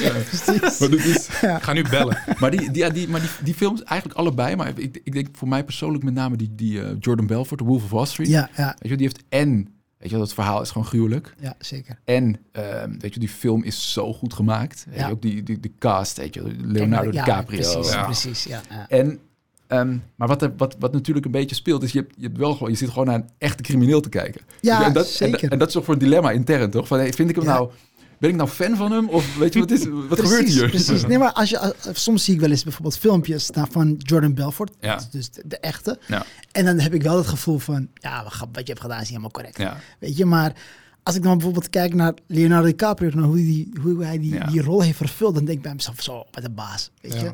Dus het verhaal is gewoon echt wel, ja dat, dat is het, weet je. Dus dit, die ambitie zit erin. Op een, op een bepaalde manier vergeef je het hem, omdat het toch een, weet je, een jonge, gekke gast is. Je Ja, denkt van, ja, ja, het zou mij ook kunnen overkomen als ik in die positie zou komen. Aan de andere kant, hij is nu wel een soort van geswitcht, weet je. Hij, is, hij, hij doet echt afstand van wat hij toen heeft gedaan. ja. Hoewel ik me af en toe afvraag van, stel dat je nog een keer de kans zou krijgen, zou je het dan weer doen of niet? ja, precies. Ja, ja. Ja, het, is een, eh, het, zijn, het, zijn goede, het zijn goede verhalen en heel goed verfilmd ook. Ja. Weet je, die, die scène dat hij voor het eerst, eh, dat hij, dat hij voor het eerst die pitch doet aan de telefoon. Weet je, dat hij, Ja. dat hij weer net, dat zijn vrouw heeft dat baantje voor hem gevonden. Van, ja, je hebt hier nog wel eentje. En dan komt hij daar. En dat hij dan die pitch doet aan die telefoon. Die is wel echt... Ja, ja, zeker. Ja, Nou, die ja, ja. mensen zitten nou te kijken alsof je een of andere... How the fuck you did that? ja, precies. Nou. Ja, en datzelfde geldt eigenlijk voor de social network. Eigenlijk ook een beetje een boefje, die Mark Zuckerberg. Want Ja, hij heeft het niet ja, zelf ja, hij bedacht. heeft niet zelf bedacht, Eh, het was die tweeling volgens mij, die eh, het hele idee uitgedacht hebben. Alleen hij was de harde werker. Ja. Ja. Hij was alles aan het uittikken op zijn eh, zolderkamer. En dan nog met zijn met zijn- met zijn vriend natuurlijk, die Ja. ook Ja. had meegedaan. Maar ook het, die andere, ja, die, die zijn best wel een aantal films. Maar bijvoorbeeld die van, eh, het verhaal van McDonald's bijvoorbeeld. Ja, Mhm. nee, precies. Want dat, Ja. is, dat is het, weet je wel. Van, hij heeft het niet zelf bedacht, maar Ja. hoeveel is het bedenken waard? Ja, Precies. In die hele rits om, het, om, om uiteindelijk Facebook, wat het vandaag is, Klopt. te maken. Weet je. Ja. Ik, ik had het ook al kunnen bedenken, weet je, zonder op te scheppen. Ja. Facebook als, als idee is niet... Het bestond, dat idee bestond. ja. Hives was er al. Hives was er ook al, ja, dus precies. van alles was er al. Maar ja, om het toch zo te sturen... Ja. het Nee, iedereen nu- kan wat bedenken. Ik, bedoel, ik, kan wat ik heb ook een keer een elektrische auto bedacht. Ja, precies. maar het Ja, gaat uiteindelijk ja, om de ja. uitvoering. precies. Ja, precies. En de naam van de McDonald's film is, eh, is volgens mij The Founder. Als ik De het Founder, Ja, precies. Fantastisch ja, verhaal. Een hele goede film. Ja. Kijk, de, de, de conclusie in die film is... Ja, misschien willen mensen hem kijken. Ja, nee, ik zou niet. Ik kan hem spoilen. niet spoilen. Of je Ja. moet gewoon even, als je hem gaat kijken, moet je nu gewoon even je oren dicht houden. maar de conclusie in die film is op een gegeven moment dat hij zegt: ehm, ehm, weet, je, weet, jullie wat, weet jullie wat jullie echt verkocht hebben? Weet jullie wat echt het ding was? De naam McDonald's. Oh, Sounds like America. Ja. en dat is gewoon, dat, dat, die twee gasten snapten dat niet. Weet je? Nee. Die, die broers snapten dat De niet. oprichters, nee. die Die oprichters snapten Want dat hij niet. kwam er als werknemer bij. Als een soort van verkoper. eh, die Ja, uiteindelijk de hele strategie... eh, En als je dan achteraf moet kijken naar McDonald's, is het gewoon een vastgoedbedrijf. ja, precies. Ja, ja, dat is- Ja. 100 procent. Dus, eh, maar goed, als je dan echt zeg maar, dat is zeg maar als we kijken naar de ideeën en zo. Maar als je als bijvoorbeeld, ik ben ook zeg maar iemand die, die van processen houdt. Mhm. Dus echt kijkt naar van oké, hoe kan ik iets werkend krijgen? Dan vind ik het heel fijn om naar eh, The Profit te kijken. ja. The Profit is een serie. Het wordt vaak, volgens mij wel vaak uitgezonden op RTL Z. Ja. En eh, als ik soms vastloop, dan kijk ik gewoon een paar afleveringen. Ja. Gewoon zo, in de hoop dat, ik dan, dat hij dan iets bespreekt waar ik op dat moment Ja. eh, eh, mee zit of ja. whatever. En dat ik dan daardoor geïnspireerd kan, kan worden, inderdaad. En 9 van 10 keer is het geval. Een bepaald perspectief. Ja. Ja, precies. Ja, ja. Kan je, kan je, heb je een voorbeeld van iets wat je, wat je, wat je daaruit hebt kunnen halen? Iets wat, wat interessant was, wat jij hebt kunnen toepassen? Oh, zo. Ja, weet je, gewoon... Als we kijken bijvoorbeeld naar onze haircare-lijn. In het begin deden we het zelf afvullen. Dus gewoon machines aanschaffen en eh, ruwe materialen kopen. En op een gegeven moment eh, dan, dan is dat leuk. En dan ben je heel druk bezig. En verkoop je heel weinig. En dan moet je dus gaan opschalen. En dan ga je na van oké, hoe moet ik dat doen? Ja. Weet je wel? Dus ehm, ja, kijk, waar we dus nu staan... is natuurlijk verder van waar we zijn begonnen. Mhm. En dat stukje van hoe we zijn begonnen en wat we eigenlijk wel niet allemaal hebben gedaan. Ik denk dat ik in elk stukje wel mee kan praten. Op welk, welk stukje ik maar ook zit, of een ondernemer zit, kan ik in meepraten. Omdat ik er ook al langs ben geweest. Ja, en, ja, ik, en ik het heb moeten oplossen. Maar ik denk in, in die periode, toen keek ik heel veel, heel veel naar de profit. En toen dacht ik van ja, weet je, ja, dit is het. En dan ging ik dat weer vertalen naar mijn zus toe. Van hé, hey, gewoon moet je horen. Kijk, ik denk dat we het zo, zo, zo en zo moeten doen. En dan kijkt ze me echt ook aan van waar de fuck heb jij het nou weer over? Mhm. En 9 van 10 keer snapt ze me niet eens. En dan zegt ze, kom wel goed, geloof in mij. Ze zegt, Ja, oké, is ja. goed, ga maar. Ja. En dan lukt het, weet Het je zijn ook van die, vaak van die concrete tips. Hij komt ergens binnen, heeft een Ja, korte periode waarin hij eh, advies kan uitbrengen. Hij moet snel eh, het omslagpunt eh, zien te bereiken. Ja. Dus ik kan me voorstellen, en dat doet, hij dan, dat doet hij dan bij heel veel verschillende bedrijven. Ja, dus ja, ik kan me precies. voorstellen dat je daar echt eh, door geïnspireerd raakt. Ik ben persoonlijk fan van Undercover Billionaire. Kennen jullie dat programma? ik ken wel Undercover Boss, maar een biljonair niet. Maar, Het lijkt, het lijkt op elkaar. Het lijkt veel op Het elkaar. lijkt een beetje op elkaar. Undercover Billionaire is een programma, wordt uitgezonden op Discovery Plus. Ehm, het zijn dan rijke mensen, die worden ergens eh, naar een eh, stad toegestuurd waar ze niemand kennen. Ze hebben Ja. 100 dollar op zak, een mobiele telefoon, Met zonder die- contacten. Is het met die ene gozer die ik ook heel vaak zie op, Snap, op, eh, op Instagram? Grant, Die- Car- Grant ja, Cardone. ja, ja, die, die gozer, ja. ja, Seizoen 1 was met Glenn Starnes, vond ik persoonlijk echt fantastisch. En seizoen 2 is onder andere met Grant Cardone Mhm, en twee fantastische vrouwelijke ondernemers. Maar daar laten ze dus zien hoe iemand van nul, dus van niets, naar iets groeit. Ja. Met 100 dollar op zak, Ja, ja, ja. telefoon zonder contacten. Je kent helemaal niemand. Eh, niemand herkent je. Zoek het maar uit. Je hebt geen slaapplek. Zoek het Nice. maar uit. En ja, in dat programma zie je dus ook heel mooi waar je tegenaan loopt eh, als ondernemer. Eh, je leert ervan hoe je doorgroeit. Dus daar ben ik persoonlijk aan. Nou, dus ik, ga, ik ga het wel even checken. Ja. Ja, ja, ja, ja, ja. Hey, voor de mensen die Grant niet kennen, hoe, hoe, hoe kunnen ze hem herkennen? Aan de stem. nou, dat is echt tof, joh, die gast. Ja, Ja. Fantastische kerel. Ja. Nee, maar, eh, nee, maar mooi. Maar je, ja, je, je hoort ook dus, ehm, dus bepaalde dingen kan je, kan je vooruit, weet je. Dan zie je van, hey, dit moeten we op die manier aanpakken. Mhm. Weet je, er is een, een, bekende speech van, eh, van Steve Jobs, misschien ken je hem wel, van Connecting the Dots. Dat je achteraf, achteraf zie je soms pas hoe dingen in elkaar passen. Ja. Weet je, zijn er, ik, ik kan me voorstellen, zijn wat, wat voor, als je nu terugkijkt op die, af, op die acht jaar, ja. wat zijn dingen waarvan je denkt van, ja, weet je, dat hadden we nooit kunnen bedenken, dat dat zo zich had kunnen ontwikkelen, of dat dat op die manier zou kunnen lopen. Maar dat hebben we destijds, maar, maar we hebben wel een bepaalde beslissing gemaakt, maar we hadden nooit kunnen weten dat dat eh, ons iets op zou kunnen leveren. Of omdat, dat- Mhm. heb je daar, snap, snap je een beetje wat ik, wat ik bedoel met die vraag? Hij is heel vaag. Maar misschien begrijp je wel van, je hebt, heb je bepaalde beslissingen gemaakt die op lange termijn eh, waardevol waren, terwijl je dat op dat moment niet besefte. Ja, ja, ja ik, ik snap je vraag zeker wel. Of juist niet, hè? Of heb je het gewoon gedaan en kwam je er later achter dat het heel goed was? Ja, kijk, weet je, ik, ik, ik, ik, maak doorgaans gewoon best wel, ja, weet je, ik, ik, ben- ik denk heel vaak gewoon super makkelijk, weet je Mhm. wel. Dus kijk, wat ik leuk vind bijvoorbeeld, hè, dat merk je misschien ook wel wanneer ik praat. Als ik het heb over sales en dat soort dingen, weet je wel, dan vind ik het hartstikke leuk en vind ik het heel interessant. En dan, dan, dan kan ik daar de hele tijd over blijven praten. Maar als ik dan bijvoorbeeld echt kijk naar eh, een keuze die ik heb moeten maken. ehm, en dan achteraf gezien was het de beste keuze of whatever, weet je wel. Ja, ik denk dat heel veel van die keuzes die we hebben gemaakt in het verleden uiteindelijk wel goed hebben uitgepakt. Want het heeft ons uiteindelijk gebracht naar waar we nu zijn. Ja. Snap je? Dus Ja. ik geef je maar een voorbeeld. Ehm, we moesten op een gegeven moment gaan verhuizen. En dan, en, en dan ga je op een gegeven moment drie à vier of zes keer groter dan waar je vandaan komt. Ja. En op dat moment weet je dat je het nodig hebt, maar heb je het zes keer nodig. Mhm. Zes keer zes. Mhm. Ja. Dus dan moet je nagaan van, oké, wacht eventjes. Kan ik niet beter verhuizen naar maximaal keer twee of keer drie dan in één keer keer zes? Maar aan de andere kant, als ik blijf groeien hoe ik groei, dan heb ik keer zes wel nodig, Ja. uiteindelijk. Maar goed, wie zegt dat ik zo hard blijf groeien? Ja. Dilemma's. Dus je hebt continu wel te maken met dat soort keuzes. En dan hoop je gewoon dat je de juiste maakt. En En hoe, hoe hak je de knoop door? Uiteindelijk. Bijvoorbeeld, bijvoorbeeld die twee keer, keer, drie of keer zes. Wat Ja. is het geworden? Keer zes of keer drie? keer zes. Ja, toch ja, wel? Ja, ja, Ja. en keer zes is nu te weinig. Ja, precies. Snap je? Maar ik kijk, ehm, heel vaak werd ik voorheen eh, gecontacteerd door potentiële klanten. En die zeiden tegen mij van, hey Mo, of nou niet Mo, maar hey Max Pro, mogen wij eh, jullie producten verkopen op onze webshop? En toen waren wij er nog best wel eh relaxed onder en zeiden we, ja, is goed, prima, geen probleem. Mhm. Zij zei, ja, maar het liefst in conciliatie. Ja, maar dat doe ik niet. Ja, maar waarom niet? Iedereen doet het. Ik zeg, ja, kijk, er zit geen drive in. Op het moment dat jij bijvoorbeeld In conciliatie is, je is krijgt zeg maar voorraad en je dus- betaalt pas als het verkocht is. Ja, van. precies. Ja, inderdaad. Ik, d- d- je krijgt niet eens voorraad. Nee, vaak is het zeg maar zo van... eh, ik krijg een order, die schiet ik door naar jou. Oh, een soort van dropship, Ja, eh, zeg maar, ja. die variatie. Ik zeg, het kan wel leuk zijn voor jou en voor ons. Het kan wel geld opleveren. Ik zeg maar, Maar je magazijn staat niet vol. je magazijn staat er niet vol. geen, nee. eh, ja, er is, er druk. is geen Ja. drive, er is geen druk. Ja. Weet je, dus eh, ja, dan wordt het al best wel eh, lastig voor mij eh, om, eh, om daar vanuit een lege magazijn eh, zeg maar echt een bepaalde druk op te zetten, snap je? Ja, Dus, dus, en dat is het altijd wel geweest. Dus als die magazijn keer zes was, dan moest ik ook keer zes eh, gaan, gaan verkopen. herkenbaar. Ja. Zeker als het magazijn vol staat. Dan ga je op een of andere manier ga je toch een manier bedenken om de handel te verkopen. Ja, ja precies. Leuk. Ja, dus je hebt het gewoon gedaan. Ik zag laatst eh, via de socials eh, dat je ook aan het uitbreiden bent. Haarlijn, eh, hair- eh, haarstijl eh, in, ja, in de, wat is het, in het pad van hair- haar- hairstyling moet ik zeggen. Eh, en baardtrimmer, precision trimmer. Ja, ja, Precision klopt. trimmer pro voor mannen. Dat is Ja. even iets anders dan de vrouwenlijn. Ja.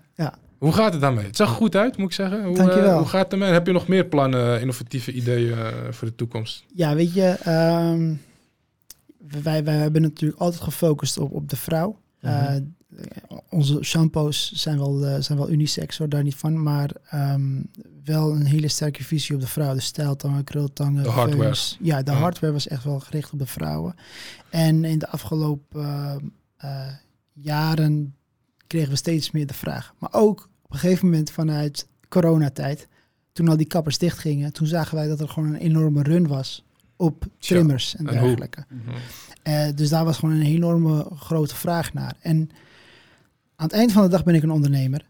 Ehm, Ik ben wel heel erg gefocust in de zin van dus eh, ik, ga niet zeg maar vandaag eh, bijvoorbeeld eh hairstyling tools verkopen en morgen eh, supplementen en de week daarna bijvoorbeeld iets anders. Nee. Dat, dat zie je me niet snel doen. Ik blijf altijd wel in mijn straatje iets wat ik ken en wat, wat herkenbaar voor mij is Mhm. en ook bij me past. Ehm, dus op een gegeven moment dacht ik van oké, wacht, ik, ik heb de connecties, ik heb, de- ik, ik heb de lijnen, weet je wel. Dus ik Waarom kan, niet? ik kan hier al heel snel een succes van maken. Terwijl, geloof mij echt, hè, ik heb vier jaar geleden al tegen vrienden van mij gezegd van hé hey jongens, ga de trimmers in. Mhm. Ga dit doen. Ik help jullie erbij. Ik, Ja. ik hoef niks. Ik help je erbij. Ga Ja. dit en dit en dit doen. Doe het. Voor corona nog. Mhm. En nou, waren ze er heel lang mee bezig. En of ja, ja, wat is bezig? Dat riepen ze dan wel, maar ik heb nooit wat gezien. En op een gegeven moment denk ik bij mezelf, van, ja, ik heb het vaak genoeg gezegd, ik doe het wel lekker zelf. Ja. Dus, eh, Is er nog iets unieks aan de Precision Trimmer Pro? Als je eh, kijkt naar de concurrentie, ja, de markt. ik beweeg heel veel vanuit, eh, vanuit eh, wat Adi dus eerder ook al vroeg. Hè, van oké, op een gegeven moment moet je gaan onderscheiden van, van de markt, van, van, van, van, van, van naar jezelf. Dus eh, je kunt twee dingen doen. Elon Musk, we kunnen innovatie gaan creëren. Of je kunt vanuit je brand gaan bewegen. En, En je netwerk, Ja, die je al hebt natuurlijk. Precies. Maar ja, voornamelijk vanuit brand. Eh, In de zin van, oké, kijk, ehm, ik, ik zie bijvoorbeeld eh, Max Pro hebben we vanaf dag één geroepen van, oké, het zijn professionele haarstyling tools. Want in die tijd hè, van Mhm. Twitter, onderzoek, bla bla bla, toen eh, keek ik zeg maar eh, ehm, veel naar bepaalde USP's eh, die, ik, die ik in het, in het product wou hebben en ging vergelijken met andere merken. En dat doen we dus nu nog steeds. Dus maar alleen, kijk, in die tijd was er een enorme grote gat. Dat zei ik net ook al. Dus je had styling tools of een stijltank van 30 euro, maar je had hem ook voor 200 euro. Mhm. Maar je had er niks van 100 euro. Mhm. Dus wij probeerden dus die tools van die 200 euro betaalbaar te maken. Ja. Tegen nog betere USP's. Dus één, Ja. ik maak hem beter. Mhm. Twee, hij is goedkoper. Ja. Ja. En dat is wat Max Pro is. Ja. Ja. Hij ligt lekker drie je hand. Hij ziet er perfect uit. Hij Precies, doet zijn dus werk goed. user experience is gewoon goed, et- Kom, enzovoort. ja. Dus de prijs moet kloppen, branding moet kloppen. Dus je De- kijkt echt wel, waar, waar, zit er een, waar zit er een bepaald gat? Ja, Waar, waar, is er, Ja. waar is de ruimte tussen de twee producten het grootst? Te, Precies. eigenlijk te groot. precies. Ja, ja, ja, ja. En, en daar ga ik dan op zoek naar. ja. Ik, het is niet zozeer dat ik echt heel veel innoverende producten wil uit gaan uitbrengen, want ik ben geen eh, artiest of iets dergelijks of iets, of een engineer of whatever. Maar de beste innovaties zijn toevoegingen op bestaande producten. exactly. Vaak Dat heeft. Ja. Steve Jobs ook gedaan met de Ja. telefoon. Ja. Dus dat is eigenlijk wat je al doet. Ja, ja. Je bent al aan het Ja, innoveren. ja, eigenlijk wel. Maar goed, weet je, innovatie snap staat voor mij gelijk aan eh, Ik snap wat je zegt. Zo'n, mensen eh, brengen naar de maan. Ik snap het. Ja, ja, ja. Ja, je wil, je wil koffie drinken met Elon Musk. En dat is inderdaad eh, met de Hyperloop en eh, weet ik het allemaal. Ja. Dat precies. zijn wel echt innovaties. eh, dat, zijn game, dat is een gamechanger inderdaad. En Je bent, eh, ooit was jouw droom dus eh, weet je, om, voor, om voor jezelf te werken, om, eh, om onafhankelijk te zijn, neem ik aan. Ja. En eh, nu ben je acht jaar verder. eh, je, zit, eh, je, zit, je bent lekker bezig. Mhm. Wat is, wat is nu de droom? Je, je lijkt me iemand die blijft dromen. Ah, ja, sowieso wel.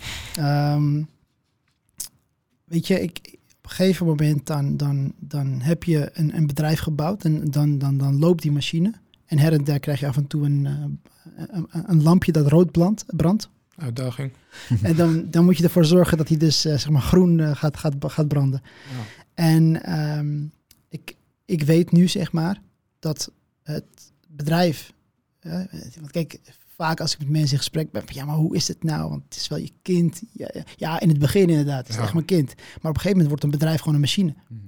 En die machine die draait al. Dus, dus je weet, je kunt, je kunt forecasten, je weet wat je gaat verdienen. Je, weet je, in het begin van het jaar maak ik al een forecast voor het hele jaar. Dan weet ik zo'n beetje wat ik ga verdienen. Ja. Alleen het enige verschil is dat ik het dan nu nog moet waarmaken. Ja. En wat doe ik dan in het hele jaar? Is her en der bijspringen en bijdraaien en optimaliseren. Mhm. Dus dat hebben we op dit moment wel, wel, wel goed neergezet. En ehm, eh, ja, zitten we dus nu ook op een punt om zeg maar van 22 binnen twee jaar naar 100 landen te gaan. Mhm. Maar dat is even een ander dingetje. Ja. Eh, en dan daarnaast, dat is het bedrijf. Maar dan kijk ik naar mezelf van oké, Mo, wat is nu momenteel je huidige eh, lifestyle? En dan ben ik aan het nadenken van oké, hoe kan ik ervoor zorgen dat ik dezelfde lifestyle over 10, 20, 30, 40 jaar nog steeds kan ehm, aanhouden. Mhm. En daarvoor moet je hele andere dingen doen. Mhm. Want over 10, 20, 30, 40 jaar wil je misschien niet eens meer eh, in je bedrijf werken. Mhm. Dus eh, in de afgelopen jaar ben ik voornamelijk eh, niet in mijn bedrijf aan het werk, maar er, ik werk eraan. zeg Ah, maar, je bedrijf. Ja. Ja, ja, dus, eh, dus, dus, dus ja. En dat betekent, dat betekent ook dingen, dingen uit handen geven, delegeren. ja, precies. En, eh, Automatiseren. ja, heel veel automatiseren en ehm, ja, delegeren voornamelijk. Ja. Dat ik in ieder geval wel niet meer gebonden ben aan een positie, om het maar zo te zeggen. Ja. Eh, dat is nu een beetje, beetje, beetje de uitdaging. En, en, en, en op een juiste manier investeren als persoon. Dus als individu en niet meer als bedrijf. Mhm. Ja. Ja. Kijk, mooi. mooi.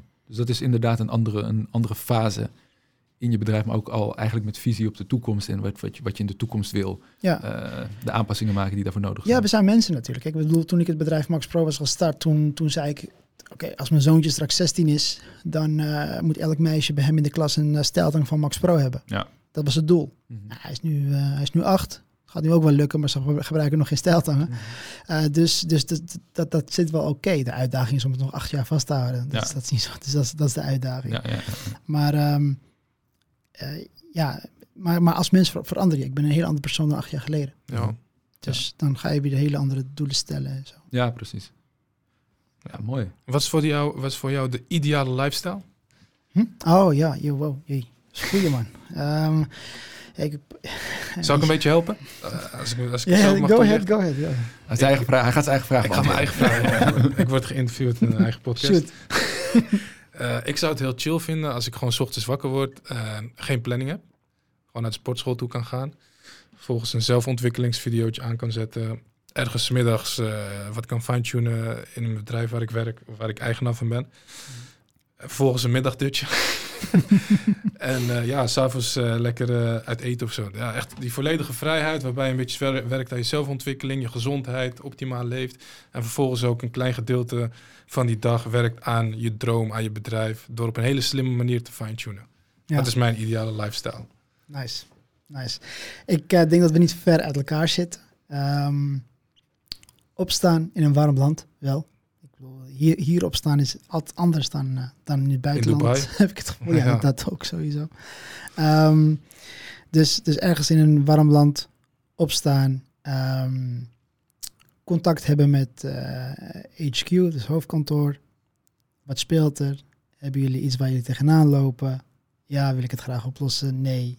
Dan inderdaad een beetje... Um, Op afstand aansturen. Ja, precies. Dat eigenlijk. Ja, en dan is ja, weet je, gewoon lekker. Kijk, als je. Heb je kinderen? Ja. Hoeveel? Eén. Eén kindje. Hoe oud? Van anderhalf. Oké, anderhalf. Meisje, jongen? Ja, meisje. Jij, uh, Arie? Eigenlijk precies hetzelfde. Alle antwoorden hetzelfde. een meisje van anderhalf. Oké, leuk, leuk.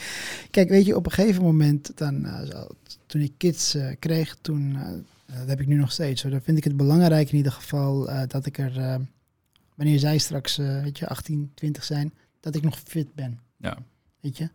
Als je aan het werk bent en je bent aan het bouwen, ja, weet je, dat heeft toch wel een bepaalde uh, impact, impact op, je, op je body, op je mindset en alles. Dus um, ik probeer het eigenlijk zo relaxed mogelijk voor mezelf te krijgen, zodat ik tegen die tijd, wanneer ze me echt nodig hebben, want dan moeten ze echt moeilijke keuzes gaan maken in hun leven, dat ik er ook wel gewoon goed betrokken bij kan zijn. Weet je? Ja. Dus uh, dat is een beetje de, de, de, de, gedachtegang erbij. Dus die lifestyle, om daar even op terug te komen, weet je, um, toch wel nog een draaiende uh, bedrijf hebben. En of het nou Max Pro is, of dat ik bijvoorbeeld straks een heel portfolio heb aan uh, vastgoed, vastgoed cryptomunten. ja, verzin het maar. Je zult altijd nog wel ergens een HQ moeten hebben in de zin van, oké, het moet beheerd worden. Ja, ja. Dus, en, je, en je, zal, ja, je, kan, je kan waarschijnlijk ook niet, niet stilzitten. Je kan, je kan nee, waarschijnlijk nee, niet stilzitten. Ik, je, je, je, ja. Als, ja, als je, er gebeuren dingen. En ik denk dat als je een ondernemer bent, dan ja. ja kan je niet twee dagen zonder. Uh... Ja, ik verveel me als ik, als ik, als ik bijvoorbeeld, ik kan, niet, ik kan niet een week lang op vakantie gaan en niks meer doen of zo. Ja. Ik, word daar heel onrustig van. Ja, herkenbaar. Ja.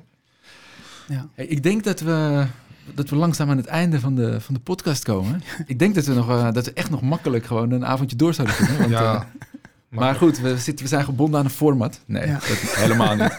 maar we hebben wel zelf een, we hebben wel zelf een idee van wat we, hoe, het, hoe, ja, wat, wat nog te, te beluisteren valt. Ja.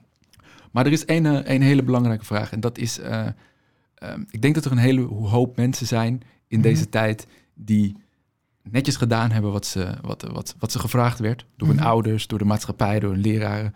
Maak netjes je school af. Ga, uh, vind, vind een baan. Ja. Of, en, ehm, en, en, en doe je best. En die nu in een positie zitten en denken van, hé, weet je, wat ben ik eigenlijk aan het doen? Ja. Die voelen van, hé, deze tijd biedt kansen. Ik wil ondernemen. Ik denk dat ik het kan. Ja. Wat voor advies heb je voor die groep mensen? Die groep die, die, die wil ondernemen, maar zit te kijken van, hoe doe ik het? Hoe begin ik? Ik, ik denk in eerste instantie, of tenminste nee, weet je, het meest belangrijke is gewoon, en ja, iedereen geeft het een, geeft het een benaming, maar ik, ik hou het altijd wel makkelijk, uh, je mindset, dus je manier van denken. Als jij een idee hebt om iets te gaan doen, of je wilt graag iets doen, ga het gewoon doen. Denk niet te moeilijk na. Denk niet aan de risico's of whatever. Die risico's liggen overal, weet je. Uh, dus heb jij een idee om bijvoorbeeld een fashion label op de, te starten of whatever, weet je. Zet gewoon een... Ja, ik krijg vaak heel vaak vragen bijvoorbeeld van... Oké, okay, hey Mo, ken je iemand met een, uh, die een plan van aanpak kan maken? Ik zeg maar, wat is een plan van aanpak dan? Ik zeg, hij zegt, ja, dat zijn gewoon dingen die ik moet doen. Ik zeg, nou, je weet het dan toch al? Ja. Schrijf ze gewoon voor jezelf op en that's it. Ja. Ik heb ook 9 van de 10 keer een plan van aanpak, maar die zit gewoon in mijn hoofd. Ja. Of in mijn notitieblok op mijn telefoon. Dus als je een idee hebt, zet het op papier of op je telefoon, notitieblokje. Maar als je ziet wat ik daar heb opgeschreven allemaal, dat schrik je. Um, maar schrijf die dingen op en wees gewoon consistent. Doe de dingen die je opschrijft. Ja. Vooral wanneer je op, op, op, een, op een moment zit dat je die uh, Eureka-moment hebt voor jezelf. Mm. Dat, je, dat je het al echt al helemaal ziet. De kunst is om het op dat moment voor jezelf op te schrijven. Want we zijn mensen, we werken met emoties. Geef je maar een voorbeeld. Nu heb je dat Eure- Eureka-moment en dan kom je thuis en dan schreeuwt je vader of moeder tegen je of je broertje gooit een slip op je hoofd en dan ben je dat gevoel kwijt. En, Ja. en dan moet je jezelf weer terugvinden naar dat moment dat je heel enthousiast was. Ja. Eh, op dat, weet je. Dus Positieve energie. ja, precies. Weet je. Dus als je, als je wil gaan ondernemen of je hebt een bepaald idee of whatever, denk gewoon niet te moeilijk na. Denk niet te moeilijk en doe wat, je, Ja, ja. wat, je, wat er in je opkomt. Ja, wat je moet doen. Ja. ja, mooi. Ik vind het heerlijk hoe, eh, hoe je benadrukt weet je, dat, het, dat het makkelijker is dan veel mensen het maken. ja En dat je zelf natuurlijk ook iemand bent die makkelijk denkt en snel naar de oplossing, snel naar de actie wil. precies. precies. Denk niet in moeilijkheden of denk gewoon in oplossingen. Ja, ja, ja. ja. Gewoon Ah, goed doen. advies, mooi advies. Ja, nou, Ja. fantastisch. Jij bent, eh, je, hebt, je hebt hem geopend. Ik ga hem je ook weer terug- teruggeven. Ja, dankjewel, dankjewel. Eh we zijn inderdaad aan het einde van eh, deze podcast gekomen. Dankjewel eh Mo voor eh, dit inspirerende verhaal. Dankjewel. Ik Jij hoop ook. dat, eh, voor, het, voor de uitnodiging. Ja, nee, eh, graag gedaan natuurlijk. Eh, ik hoop dat onze luisteraars hier een hoop van leren. Eh, waar, kon, waar kunnen onze luisteraars jou vinden als ze een keer een uh, steltang... want je, bent ook me- je verkoopt aan consumenten ook, toch? Mhm. Waar kunnen ze jou vinden? Ja, welke platforms, op welke websites? Ja, onze website dat is uh, www.maxprohair.com. Mhm. En ehm, ja, toets in Max Pro en je vindt het overal wel. Ik zou eigenlijk aan de andere kant nog beter kijken bij onze retailers. Die bieden het iets goedkoper aan dan wij zelf. Wij kunnen niet afwijken van de prijs vaak. Uh, mits we een leuke actie hebben of zo. Dus google gewoon en dan vind je onze producten terug. En Mhm. op de socials, ja, dan heet ik gewoon Mo Max Pro Hair. Ik ben super easy te vinden. Ja, ik had het in de introductie al over. Als je echt geïnspireerd wil worden eh, door een eh, fijne ondernemer, volg hem vooral.